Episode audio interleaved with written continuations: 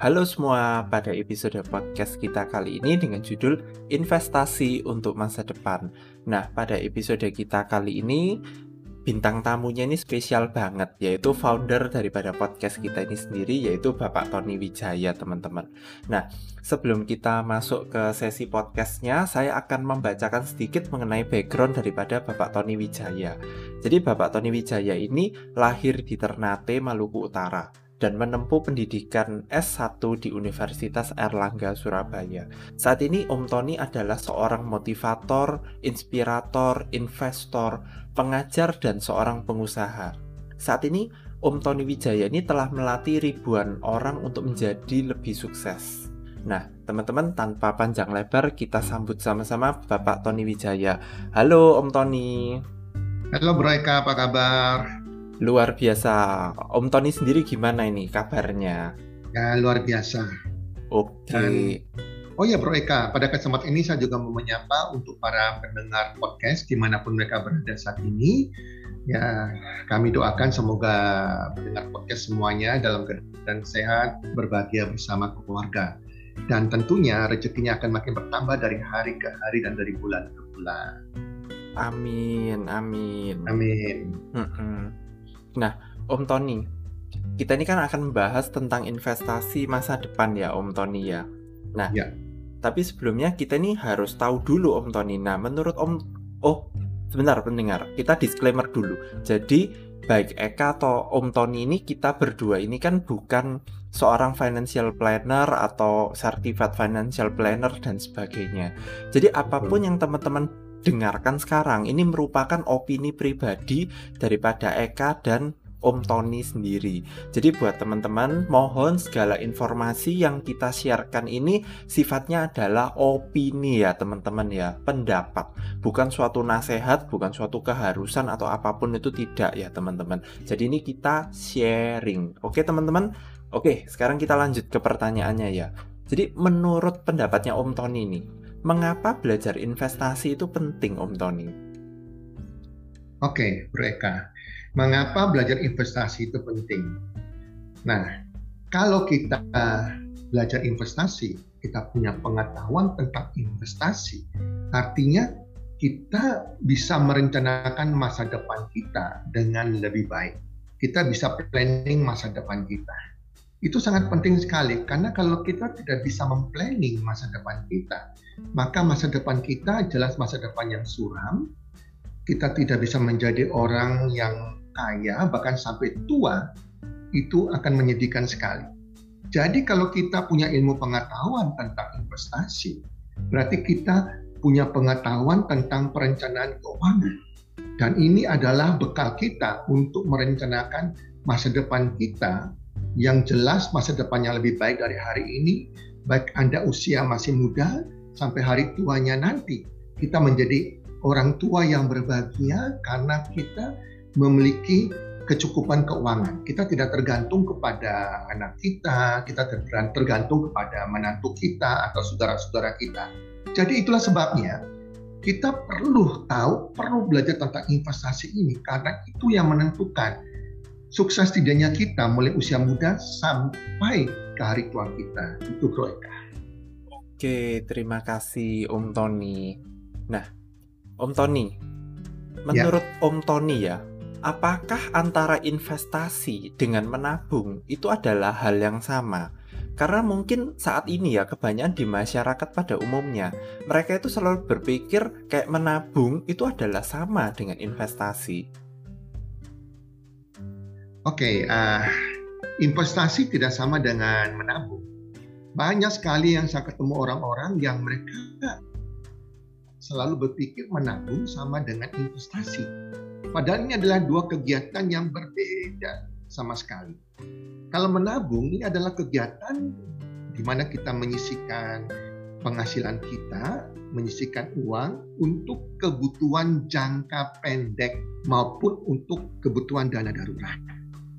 Ya, jadi kita bisa menabung lewat tabungan bank ataupun lewat deposito.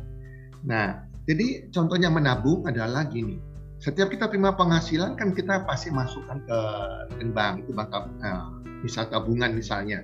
Ini adalah kebutuhan jangka pendek kita bisa ambil untuk bayar kebutuhan kita setiap bulan yang kita butuhkan ya itu kita tabung di tabungan ataupun untuk tabungan dana darurat. Nah kalau tabungan dana darurat ini adalah kita bisa taruh di tabungan kita ataupun di deposito kita. Ini adalah tabungan dana darurat kalau anda misalnya masih belum menikah, anda perlu menabung sampai enam kali dari kebutuhan anda pribadi setiap bulan. Dana darurat ini adalah dana yang kita ambil jika kita mengalami sebuah keadaan darurat. Misalnya tiba-tiba ada keluarga yang sakit, ada kebutuhan dana mendadak, dan sebagainya. Nah kalau orang sudah berkeluarga, itu dia perlu ya punya dana darurat 12 bulan dari kehidupan dia, biaya hidup dia setiap bulan dia harus menabung selama 12 bulan dari kebutuhan hidup dia. Nah, itu itu adalah menabung. Sedangkan kalau investasi ini beda. Investasi ini adalah uh, kita harus cari instrumen-instrumen yang memang anti inflasi, yang di mana uh, dia bisa memberikan hasil lebih daripada tingkat inflasi terjadi di Indonesia misalnya. Ini adalah kegiatan kita mengembangkan uang kita kegiatan kita beternak uang. Nah, makanya kalau ada istilahnya beternak uang, punya perkebunan uang, itu bicara mengenai investasi. Jadi kita mengembangkan uang kita yang kita miliki saat ini untuk mendapatkan keuntungan jangka panjang. Jadi sifatnya jangka panjang. Jadi bukan jangka pendek, untuk tujuan jangka panjang juga. Setiap orang punya tujuan jangka panjang yang beda-beda. Ya. Misalnya untuk dia investasi untuk dia persiapan menikah misalnya, untuk membeli rumah suatu saat, untuk dana pendidikan anak, untuk biaya kesehatan di hari tua, untuk jaminan pegangan dia di hari tua, ataupun untuk warisan kepada anak-anaknya. Nah, itu adalah investasi untuk jangka panjang dan tiap bulan kita melakukan ya sisihkan dari penghasilan kita sekian persen kita investasi di instrumen yang tepat dan jangan diambil, jangan pernah diambil sampai pada waktu yang kita butuhkan. Itulah sebabnya dikatakan kalau kita investasi ini adalah dari uang dingin. Jadi bukan uang panas yang kita butuhkan setiap hari, setiap bulan. Uang dingin, uang yang tidak terpakai, yang belum kita butuhkan, dan ini harus tidak boleh diambil sampai waktunya. Itu kurang lebih Bro Eka. Oke, oke Om Tony. Terima kasih banyak. Nah, ini Om Tony. Kalau misalnya menurut Om Tony nih, kapan sih waktu yang tepat untuk kita itu mulai start belajar tentang investasi, Om Tony? Oke, pertanyaannya bagus ya. Sebetulnya kita start belajar investasi mulai dari usia sedini mungkin. Misalnya mulai dari SD. Jadi para orang tua ya kalau Anda mengerti investasi, Anda sudah mulai mengajarkan anak-anak Anda sejak dia masih SD, masih usia dini mungkin, agar mereka memiliki kebiasaan untuk investasi.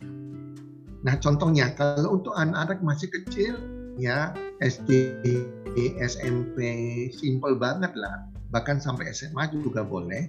Jadi ini contohnya aja gambarannya. Jadi kita membagi uh, misal ada tiga toples atau tiga celengan ya atau tiga tabungan misalnya ya. toples pertama kalau seseorang anak dapat uang ya uang uang jajan atau uang mungkin THR uang ampau ya ajarkan dia mulai menyisikan ketiga celengan ya celengan pertama itu di mana dia buka contohnya 25% misalnya ya. Itu ditaruh ke celengan pertama dan ini untuk sedekah.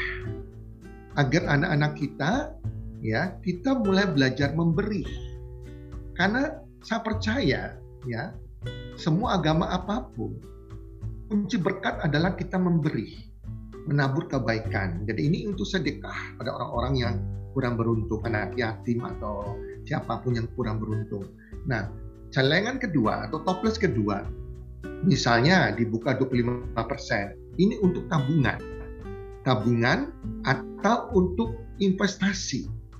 Nah, kan anak-anak kan belum bisa membedakan apa itu tabungan investasi, nggak masalah. Ya, celengan kedua dibuka 25% taruh di celengan ini bilang ke mereka bahwa ini nggak boleh diambil ya.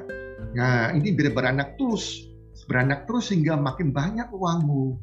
Nah, sehingga mereka mengerti. Nah, toples ketiga atau celengan ketiga 50% uangnya sisa itu yang bisa dia pakai sendiri untuk kebutuhan dia, untuk jajan dia, untuk dia beli ini beli itu. Jadi sejak usia dini kita sudah mulai belajar investasi atau mengajarkan anak kita berinvestasi. Itu kurang lebih Bro Eka. Oke. Nah, ini ada pertanyaan yang lumayan umum di masyarakat ya Om Tony ya. Jadi, menurut pendapatnya Om Tony ini, apakah hanya orang yang istilahnya ya, istilahnya itu tanda kutip kaya saja yang bisa untuk berinvestasi Om Tony? Nah, ini pertanyaan bagus sekali ya. Kalau kita bicara mengenai investasi, kita bicara mengenai kuadran 4 sebagai investor. Nah, di kuadran 4 ini, itu di dunia itu hanya sekitar 3% sampai 5% orang di kuadran 4, kuadran investor ini. Jadi artinya kita, wah orang pasti berpikir dong, waduh orang kuadran 4 ini kan orang kaya. Mereka berinvestasi, jadi berarti hanya orang-orang kaya yang bisa melakukan investasi. No, no, no, itu itu pikiran yang salah. Orang-orang kuadran 4 ini sebelum menjadi orang kaya, super kaya, dulunya mereka kan miskin, betul Bro Eka? Betul nggak? Nggak mendadak kaya begitu, ya. Jadi mereka mau memulai semuanya dari kemiskinan mereka. Sehingga sebetulnya investasi itu bukannya orang kaya saja. Orang kaya pasti makin kaya karena mereka sudah mengerti tentang investasi mereka terus menginvestasikan keuntungan mereka, uang mereka, aset mereka. Tetapi investasi dimulai dari orang masih miskin. Masih miskin, kita sudah punya gaya hidup investasi ini. Sehingga dari miskin kalau kita sudah mulai berinvestasi, punya mindset investasi, melakukan investasi dengan benar di instrumen yang benar, maka kita akan jadi orang kaya. Nah ini contohnya, saya kasih contoh, bukti nyata. Orang ini adalah orang yang saya sangat kagumi sekali uh, seorang yang sangat saya tiru gaya hidup dia yaitu Warren Buffett. Warren Buffett ini saat ini ya sudah berusia 91 tahun luar biasa sekali. Warren Buffett ini banyak membuka pikiran saya tentang investasi. Ya, jadi kalau saya telah lagi, saya saya ingat lagi kembali, uh, Warren Buffett ini kan salah satu orang terkaya. Setahu saya dulu dia punya kekayaan kalau dirupiah kan 1160 triliun rupiah. Tahu tidak? Dia mulai dari anak kecil yang miskin, yang mulai berbisnis dengan jualan-jualan permen ya untuk cukup makan saja dari usia enam tahun. Dari usia enam tahun dia sudah mulai jualan-jualan permen, jualan apa pun dia jual teman-teman ya. Dia jual Coca-Cola, ada untungnya, ecerannya, dan hebatnya anak ini, dia selalu menyisikan, ditabung keuntungannya. Dalam usia enam tahun dan masih miskin. Sehingga tabungannya ini makin hari makin bertambah, makin bertambah. Terus sampai pada waktu dia usia 11 tahun, itu di tahun 1942. Anak masih kecil 11 tahun di tahun 1942, dia sudah bisa membeli tiga jenis saham kalau nggak salah di pasar modal dari tabungannya dari usia 6 tahun sampai 11 tahun. Dia sudah membeli saham. Dan ini yang membuat dia kaya. Jadi sebetulnya kita kita apa namanya? Kita berinvestasi itu dari saat kita miskin, teman-teman. Dan itu contohnya buktinya dari si Warren Buffett, orang terkaya salah satu orang terkaya di dunia sampai saat ini. Itu Bro Eka. Oke, terima kasih banyak buat insight-nya ya Om Tony ya. Nah, Om Tony, sekarang ya, terutama di masa-masa pandemi ini ya, itu kan mungkin di masyarakat ini ya lumayan banyak beredar kayak investasi-investasi tertentu yang menawarkan return tinggi. Nah, mungkin dari perspektifnya Om Tony ya, opini Om Tony ya, bagaimana kita sebagai orang awam ya kan membedakan antara itu investasi sungguhan money game atau mungkin investasi yang sifatnya bodong atau abal-abal ini Om Tony? Pertanyaan yang sangat-sangat bagus. Memang saya lagi sangat sedihkan sekali di situasi pandemi ya krisis ekonomi saat ini banyak sekali lebih gila-gilaan orang menawarkan yang namanya money game, investasi abal-abal atau yang kita sebutnya namanya pyramid scam ya. Nah, banyak orang ketipu, dia pikir di investasi, akhirnya kejebak.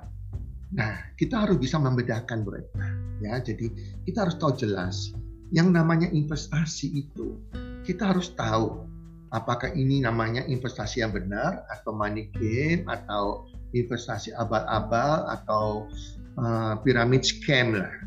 Jadi hati-hati. Jadi kalau kita, kita mereka nih paling pintar perusahaan-perusahaan money game, investasi abal-abal, mereka tahu bahwa masyarakat ini umumnya keping rakus, serakah, kepingin cepat kaya, kaya yang instan dan malas. Malas tapi gak mau lewati proses menjadi kaya, kepingin kaya mendadak. Orang-orang sasaran ini yang menjadi sasaran empuk. Ini berbahaya sekali dan banyak sekali jadi korban. Teman-teman saya setiap tahun itu pasti menjadi korban dari masalah piramid scam ini. Jadi kalau kita mau investasi, kita harus tahu jelas, ya, tahu jelas perusahaannya ini apa, pemiliknya nih siapa apa? Ada alamat jelas perusahaannya, ada alamat nomor teleponnya jelas, ada alamat jelas offline maupun online. Sekarang ini kan dunia maya, ya dunia internet. Maka harus perusahaan itu harus punya websitenya. Website itu adalah kantor secara online. Kalau investasi yang benar semua itu ada.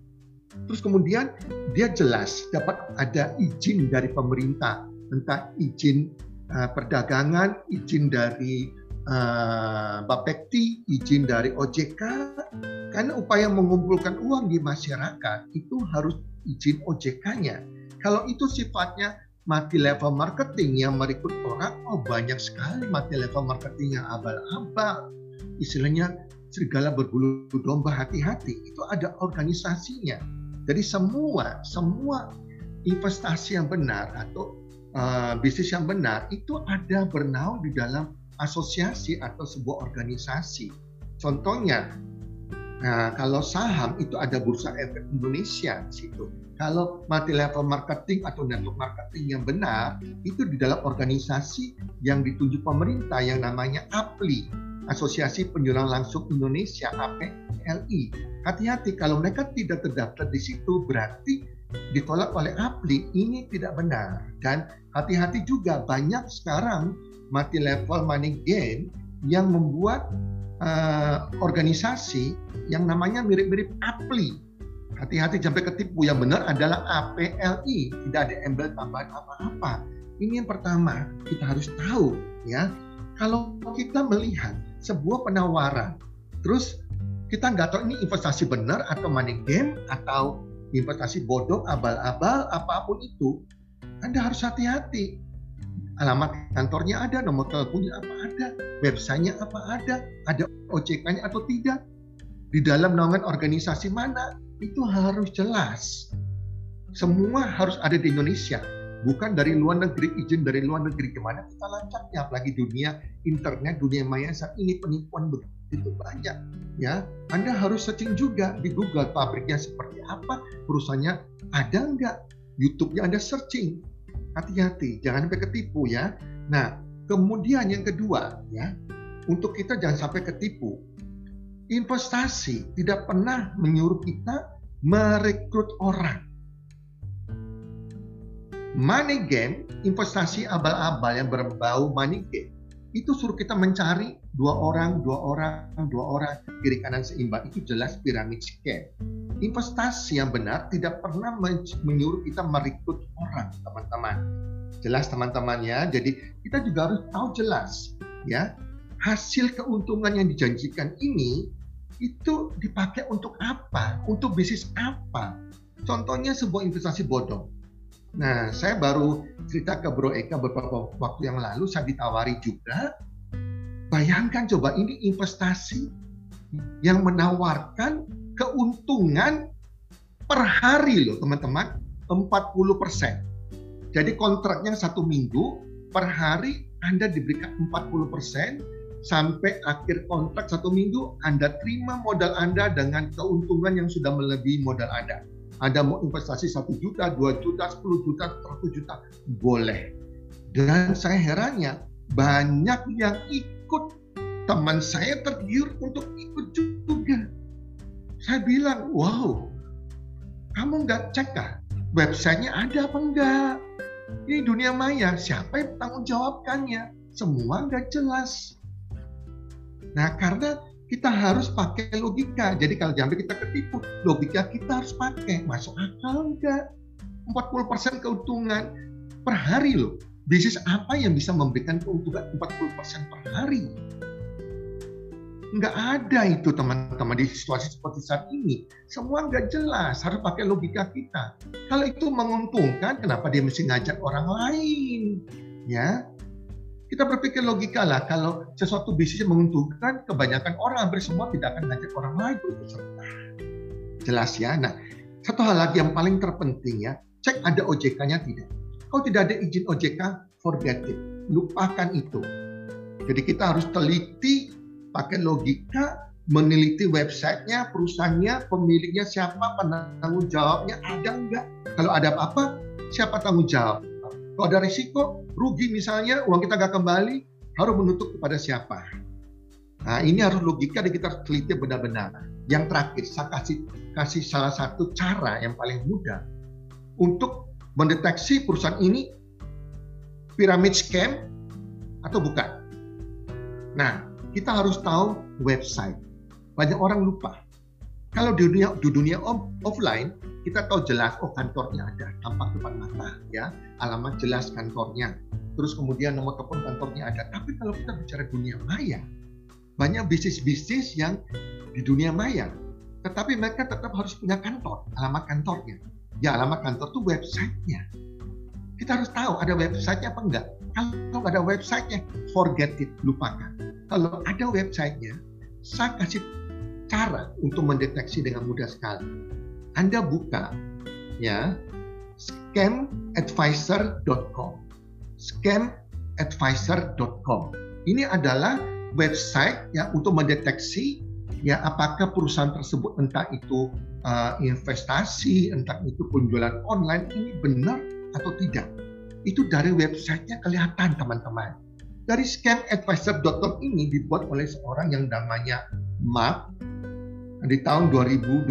Mark ini ceritanya dulu dia ketipu ya dengan investasi bodong, dengan penjualan online dia ketipu dan dia jengkel sekali anak muda ini dan dia berpikir bahwa oh berarti banyak ketipu. Ternyata banyak orang di dunia ini ketipu, teman-teman. Sehingga di tahun 2012 dia membuat ya scamadvisor.com.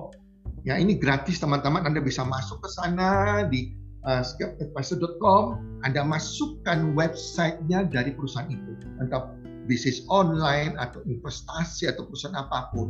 Nah, itu akan keluar nantinya. Nah, akan terdeteksi oleh algoritma, dia menciptakan sebuah algoritma dari 40 data source ya. Jadi data dari web servernya canggih apa enggak, IP-nya bagaimana, usia URL-nya bagaimana, ratingnya, ada 40 data yang akhirnya bisa menentukan bahwa perusahaan ini dapat dipercaya 100% ya atau beresiko. Wow, itu itu keren banget dan saya sudah mengecek beberapa investasi yang ada websitenya. Ternyata itu begitu masukkan website mereka dan saya searching di scamadvisor.com kelihatan perusahaan ini high risk.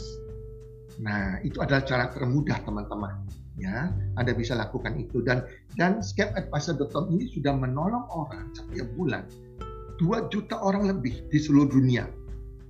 Terhindar dari penipuan yang namanya di online ini ya atau pyramid scam. Investasi bodoh ataupun bisnis online yang abal-abal.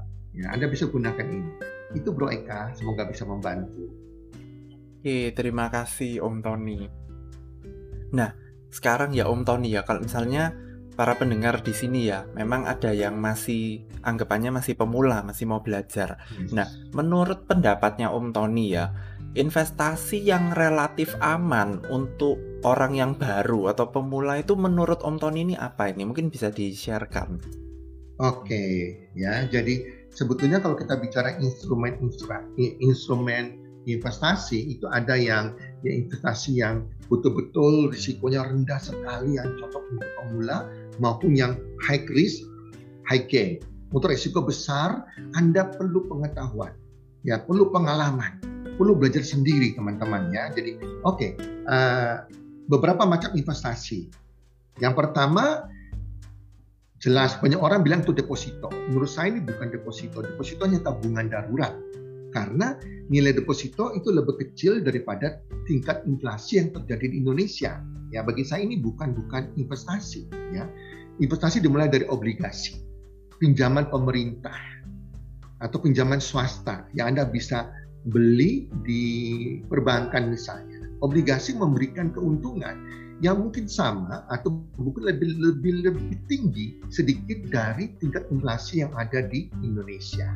Nah, kemudian berikutnya adalah emas fisik, emas batangan misalnya antam.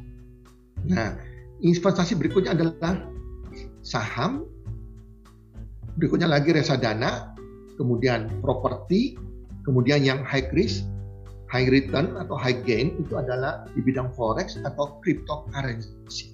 Nah, untuk pemula saya sarankan ya mulai dari investasi ke emas fisik.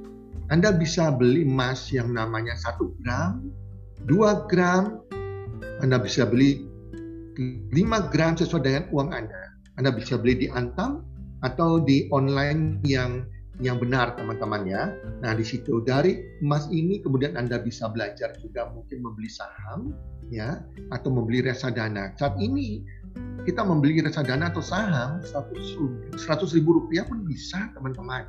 Jadi kita belajar. Yang terpenting itu adalah kita melakukan investasi itu atau yang pemerintah sebut menabung saham ya itu setiap bulan, setiap bulan. Bukan sekali terus kita diamkan begitu. Enggak, teman-teman. Ya, intinya kuncinya suksesnya setiap bulan kita melakukan investasi sesuai dengan uang yang kita sisihkan dari penghasilan Nah, itu kurang lebih jadi investasi yang aman bagi pemula. Emas fisik Anda bisa beli 1 gram, 2 gram sesuai dengan keuangan Anda setiap bulan dan mulai belajar beli dana saham atau beli saham sendiri. Ya, itu mereka. Oke, nah Om Tony, Om Tony boleh nggak nih? Mungkin bisa sharing menceritakan tentang perjalanan investasi Om Tony daripada masa muda dulu itu seperti apa gitu. Mungkin para pendengar di sini juga pengen tahu dari Om Tony sendiri dari pengalaman hidup yang sudah dijalani itu investasi apa sih yang Om Tony sudah pernah tanamkan dari dulu Om Tony? Oke, okay. thank you ya. Ini sukses saya Uh, saya menjadi investor itu tanpa sengaja sebetulnya. Saya belajar otodidak dari buku-buku. Kebetulan saya suka membaca buku dan dari program-program ya seperti YouTube ya ataupun lewat Google ya.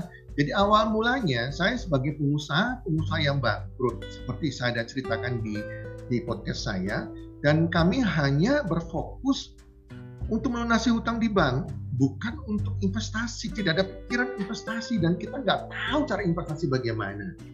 Nah begitu hutang kami di bank lunas, nah, sehingga penghasilan kami yang kami uh, terima setiap bulan itu bisa melebihi daripada biaya hidup kami. Contohnya, ya contohnya biaya hidup kami misalnya uh, 10 juta per bulan. Penghasilan kami kami terima bisa 25 juta, 30 juta per bulan sehingga pada waktu untuk pakai untuk kehidupan ada sisa lebih lebih dari separuh yang kami ini bingung mau diapakan ini. Kami kalau taruh di tabungan atau deposito, wah ini kan kemakan inflasi, kerampok oleh inflasi, nilai uang kita akan turun. Di situlah saya berpikir, maka saya bilang mindset ini penting sekali mindset. Saya tanamkan, saya berpikir di pikiran saya, saya mesti kemanakan uang ini, kemanakan uang ini. Nah kebetulan saya baca tentang emas Nah, mindset menggarak, meng, mengarahkan saya tentang emas. Saya pelajari tentang emas dan tidak lama kebetulan itu saya dapat selebaran waktu itu yang di mana Bank BRI Syariah ya itu menawarkan orang bilang cicilan emas. Jadi kita bisa nyimpan beli emas di Bank BRI Syariah. Ya, memang dijual di bank-bank syariah seperti BRI Syariah, Mandiri Syariah, di mana kita bisa mencicil emas. Nah, akhirnya saya datangi di situ dan saya mulai sudah saya mencicil emas. Setiap bulan saya cicil emas di situ selama lima tahun dan jadi harga kan sudah terikat pada waktu kita mulai kontrak. Ya kayak cicil rumah lah gitulah mereka. Kayak kita cicilan rumah, beda ini cicilan emas. Nah kita cicil, kita kontrak misalnya beli emas contohnya uh, entah setengah kilo, satu kilo, dan kita ditentukan bahwa setiap bulan harus cicil sekian. Nah harga yang terjadi pada waktu harga sekarang ini dan kita ambil cicilan selama lima tahun dan setiap bulan kami cicil dari penghasilan kami. Begitu lima tahun, emas ini sudah naik luar biasa teman-teman. Nah itu kita nggak pernah nyangka teman-teman.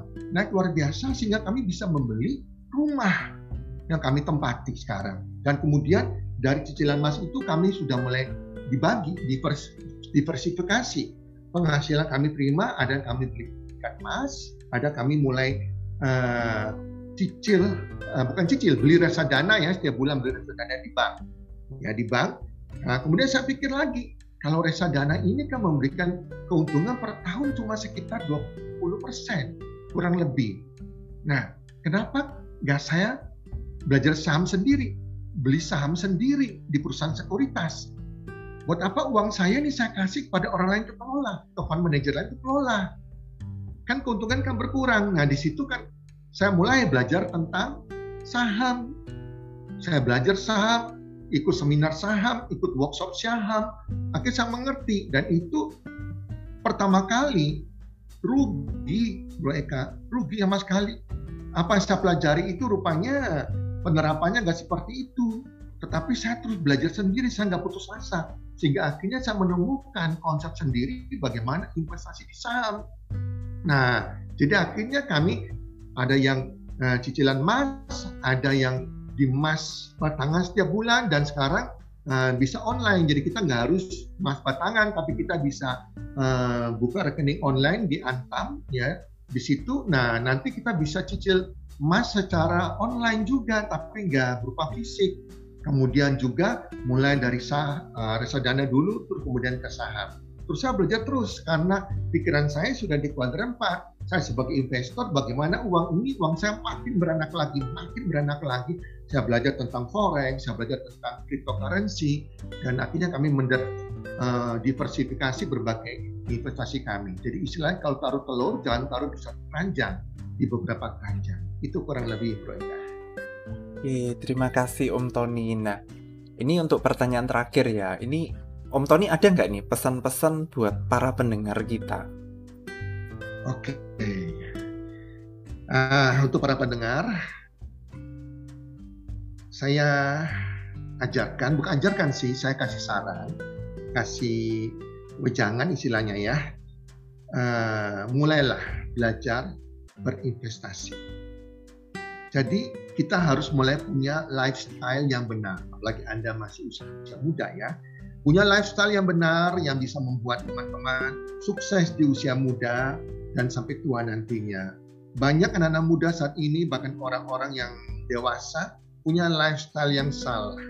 Lifestyle mereka ke arah barang-barang bermerek, ya, gengsi-gengsi, hidup-hidup yang seperti selebriti. Karena itu yang mereka lihat di sosial media hati-hati teman-teman kita harus menentukan lifestyle kita ini bisa membawa Anda kepada masa depan yang cerah tentunya. Saya dan istri saya, kita punya lifestyle cuma satu, ya lifestyle bagaimana kita bisa beternak uang, di mana uang kita bisa beranak uang sebagai investor. Jadi punya lifestyle untuk jadi seorang investor, untuk berinvestasi.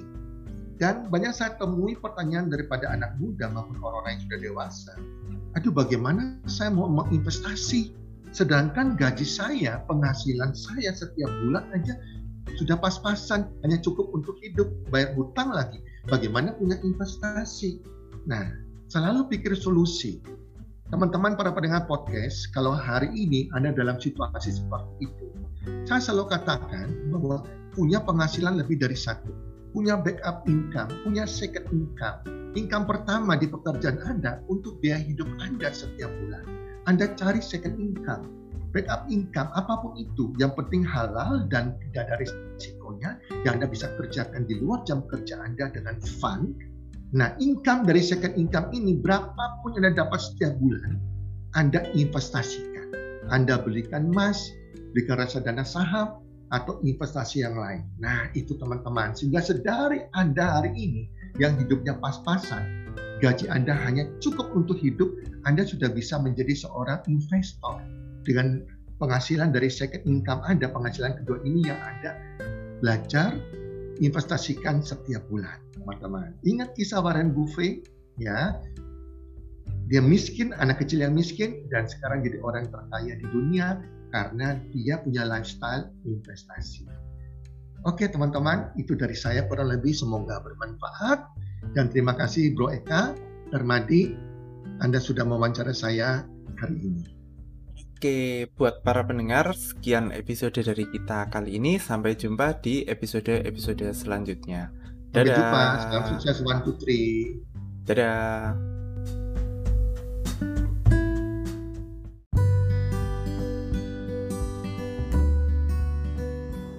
Terima kasih sudah mendengarkan podcast kami. Teman, jika Anda rasa bermanfaat podcast kami ini, Anda bisa menginfokan kepada rekan kerja Anda, keluarga Anda, teman ataupun sahabat Anda.